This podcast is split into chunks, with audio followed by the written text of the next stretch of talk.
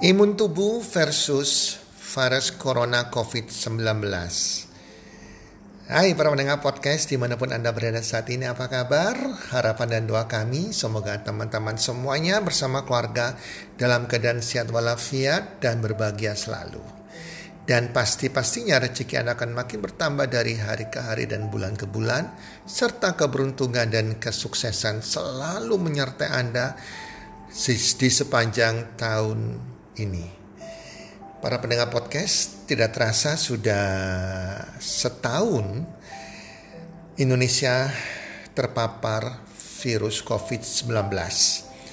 Sejak diumumkan tanggal 2 Maret tahun 2020 sampai sekarang kita memasuki bulan Maret tahun 2021 Selama setahun sudah lebih dari 35 ribu orang meninggal dunia. Dan jumlah pasien di bulan Maret ini sudah mencapai lebih dari 1 juta 300 orang. Virus corona ini menyerang siapa saja dari orang miskin sampai orang kaya, dari rakyat biasa sampai orang yang luar biasa seperti artis, youtuber, pejabat, pejabat pemerintahan, orang-orang terkenal, olahragawan, bahkan dokter saja terkena COVID-19 dan banyak yang sampai meninggal. Jadi virus ini menyerang kepada siapa saja tidak pandang bulu di seluruh dunia. Nah, kematian akibat virus COVID-19 di dunia ini per data yang saya dapatkan tanggal 11 Maret tahun 2021 sudah ada 2.618.400 orang yang meninggal di seluruh dunia. Bahkan pasien yang dirawat di rumah sakit dan sakitnya sudah dinyatakan sembuh, hasil swabnya sudah negatif dan sudah keluar rumah sakit tetapi begitu keluar rumah sakit tidak lama kemudian malah meninggal dunia. Ini efek yang terjadi dari akibat virus COVID-19 ini teman-teman. Jadi itu fakta yang terjadi. Dan saat ini juga sudah muncul varian baru COVID-19 sudah masuk ke Indonesia. Yang namanya virus Corona B117. Nah, teman-teman, ada beberapa gejala-gejala bagi seseorang yang terpapar COVID-19. Jadi kita harus tahu gejala-gejala ini karena penting sekali karena begitu kita tahu anggota keluarga kita yang mengalami salah satu gejala ini itu harus cepat ya dites swab agar ketahuan lebih awal lebih bagus teman-teman ya. Jadi gejalanya kurang lebih demikian orang yang terpapar COVID-19 19% itu mengalami demam. Jadi tidak semua orang mengalami demam teman-teman, hanya 19% yang mengalami demam dan 35% mengalami batuk kering. Nah, sesak nafas tuh umum ya umumnya terjadi mereka merasakan sesak nafas. Ada 21% merasakan nyeri otot. Sekitar 19% kehilangan indera penciuman dan indera perasanya. Nah, 22% mengalami gejala sakit tenggorokan dan sekitar uh, umumnya ya ada banyak yang sakit kepala dan disertai oleh gejala-gejala yang lain seperti diare, mata merah, ruam pada kulit, merah-merah pada kulit, perubahan warna pada jari tangan serta kaki, dan terkadang itu disertai dengan Rasanya capek sekali, lelah banget. Terkadang ada pileknya, bahkan ada yang sampai muntah, teman-teman ya. Jadi itu adalah gejala-gejala orang yang terpapar COVID-19. Kementerian Kesehatan sudah pastikan bahwa biaya COVID-19 ditanggung negara. Ini teman-teman harus penting banget. Karena begitu kita terpapar dengan COVID-19 sudah di swab ternyata memang positif harus masuk rumah sakit itu biayanya sangat sangat sangat besar. Ini banyak orang umum tidak tahu. Saya kasih bayangan saja. Ada teman saya yang terdeteksi waktu dicek ya karena badannya panas dan ciri-cirinya seperti sakit COVID-19 maka langsung oleh rumah sakit dimasukkan ke ruang isolasi. Padahal sebetul teman saya ini bukan kena COVID-19, dia ada masalah dengan infeksi saluran kencing. Tetapi gejalanya kan jadi kena infeksi, jadi radang, jadi panas ya. Nah, dimasukkan ke rumah sakit di kamar isolasi. Ternyata setelah empat hari hasilnya keluar ternyata dia nggak COVID. Anda tahu tidak? Selama empat hari perawatan untuk COVID yang mereka harus bayar itu sekitar hampir 50 juta rupiah. Bayangkan teman-teman dan dari berbagai informasi yang saya dengar, kan dari keluarga kami yang terpapar COVID, teman yang terpapar COVID, ya kayak ada teman kami, keluarga kami, itu dua minggu itu bisa mengeluarkan 300 juta. Ada yang satu bulan sampai 600 juta rupiah. Wow, itu luar biasa mahal sekali teman-teman. Ini pada orang umum yang tidak tahu. Nah, sampai suatu saat saya pun awal tidak tahu teman-teman. Saya pikir, waduh, ternyata gak semua asuransi juga itu mengcover penyakit COVID-19.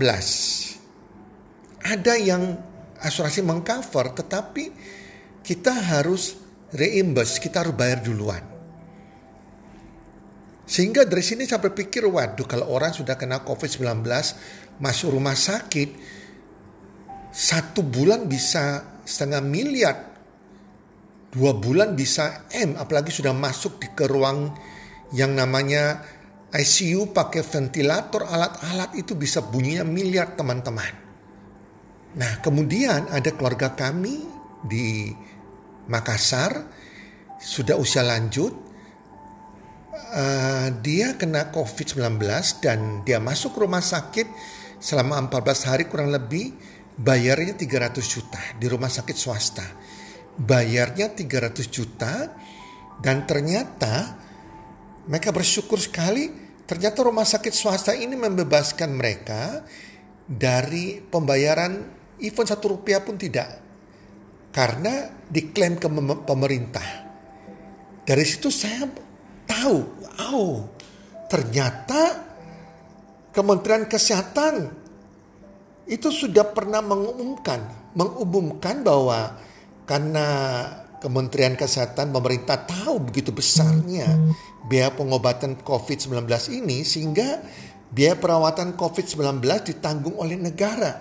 Tetapi tidak semua orang tahu, teman-teman. Bahkan banyak rumah sakit swasta yang maaf kata ya, tidak peduli sama pasien, asal nagih ke pasien dan saya nggak tahu mereka mereka klaim ke pemerintah, ke Menteri Kesehatan atau tidak. Kalau mereka klaim berarti mereka terima pembayaran dua kali dari pasien dan dari dari pengajuan klaim kepada Kementerian Kesehatan. Nah, teman-teman ini harus kita tahu benar-benar karena kalau sudah terpapar COVID keluarga kita, hati-hati dengan kita masuk kepada rumah sakit swasta. Jadi teman-teman, Kementerian Kesehatan memastikan setiap pasien COVID-19 yang dirawat di rumah sakit tidak akan dikenakan biaya sepeser pun alias gratis. Semua biaya perawatan akan ditanggung oleh pemerintah. Semua itu diatur oleh keputusan Menteri Kesehatan nomor 413 tahun 2020. Sekali lagi, Semua itu ditanggung oleh pemerintah dan diatur oleh keputusan Menteri Kesehatan nomor 413 tahun 2020 atau berdasarkan keputusan Menteri Kesehatan Republik Indonesia nomor HK titik 01 garis miring 07 garis miring Menkes garis miring 446 garis miring 2020 dan kebijakan ini berlaku di setiap rumah sakit di Indonesia, baik rumah sakit pemerintah maupun swasta. Namun, Anda perlu sadari ada syaratnya rumah sakit khususnya rumah sakit swasta itu harus mau menerima rujukan untuk perawatan pasien COVID-19. Selama rumah sakit itu mendikir mendeklar untuk menerima perawatan pasien COVID-19, negara akan bayar sesuai dengan hitung-hitungan yang sudah diberikan pemerintah. Jadi kita para penderita tidak mengeluarkan uang sepeser pun. Nah ini teman-teman harus tahu penting banget. Karena rumah sakit swasta ada beberapa yang sudah mendeklar menerima perawatan pasien COVID-19 tetapi tidak pernah memberikan informasi kepada pasiennya. Pasiennya disuruh bayar dan mereka terima pembayaran. Setelah itu bisa saja mereka tagih ke Kementerian Kesehatan. Jadi mereka terima pembayaran double. Tapi kalau rumah sakit yang peduli, rumah sakit swasta peduli kepada masyarakat, maka dia akan menolak pembayaran dan akan menagih kepada Kementerian Kesehatan sesuai dengan keputusan Kementerian Kesehatan tersebut. Jadi teman-teman, teman-teman sekali lagi kita harus hati-hati. Kalau kita mau masuk ke rumah sakit pemerintah sudah pasti gratis. Cuma kadang rumah sakit pemerintah juga penuh ya uh, atau kita khawatir pelayanan kurang bagus, kurang maksimal dan kita masuk rumah sakit swasta. Kalau masuk rumah sakit swasta kita harus tanya. Sekali lagi, kata kuncinya harus tanya terlebih dahulu. Apakah rumah sakit swasta tersebut ya membebankan biaya rumah sakit ke pasien atau ditagih ke pemerintah? Ini harus ditanya. Kalau dia katakan ditagih ke pasien, jangan masuk ke situ, cari rumah sakit swasta yang lain yang punya kepedulian terhadap masyarakat. Jelas teman-teman ya, jadi sudah ada petunjuk jelas dari keputusan Menteri Kesehatan tersebut tentang cara klaimnya dari rumah sakit ya. Yang mengklaim biaya perawatan masyarakat terhadap COVID-19 tersebut ya itu bisa diklaim Kementerian Kesehatan melalui Direktorat Jenderal Pelayanan Kesehatan, teman-teman. Ya, jadi ini penting sekali, teman-teman. Anda harus ingat benar-benar, ya. Jadi tanya dulu rumah sakitnya. Nah, teman-teman, uh, untuk men, uh, mencegah terpapar virus corona tersebut, ya, jangan sampai kita masuk rumah sakit, karena masuk rumah sakit pun itu gak menjamin kalau bisa sembuh. Terkadang sampai bisa meninggal.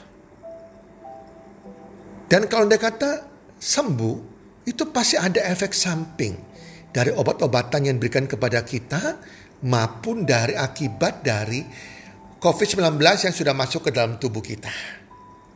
Ternyata diselidiki memang orang setelah menderita COVID-19 ini pasti ada efek sampingnya teman-teman.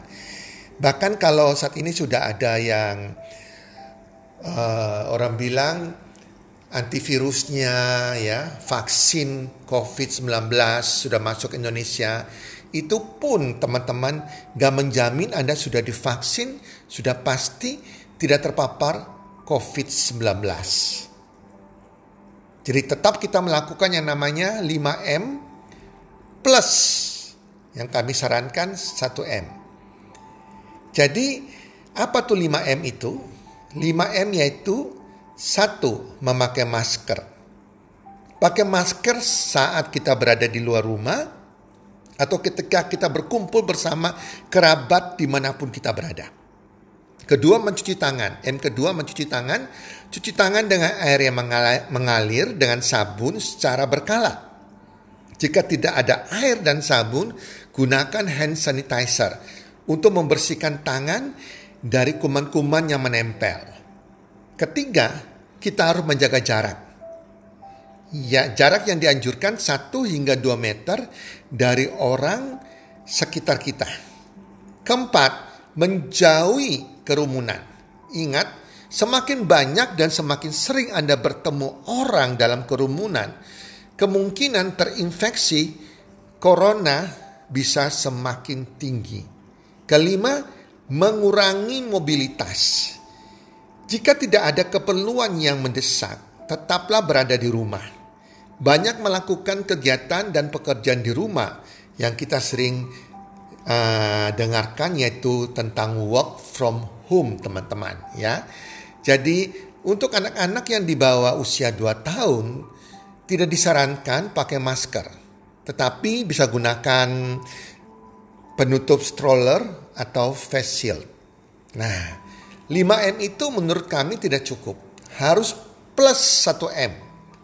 1M ini sangat penting sekali, yaitu meningkatkan imunitas tubuh kita dengan mengkonsumsi makanan-makanan yang bernutrisi yang mengandung vitamin-vitamin dan mineral yang dibutuhkan oleh tubuh agar bisa memerangi virus COVID-19 yang masuk ke dalam tubuh kita. Nah, teman-teman pendengar podcast, vitamin dan mineral apa sih yang tepat yang dibutuhkan tubuh kita yang khusus untuk berperang melawan COVID-19? 19 ini yang di mana bisa meningkatkan imunitas tubuh kita. Oke, saya akan jelaskan nanti di bagian kedua, teman-teman ya. Oke, teman-teman, sampai ketemu di bagian kedua dan semoga bermanfaat dan salam sukses. One, two, three.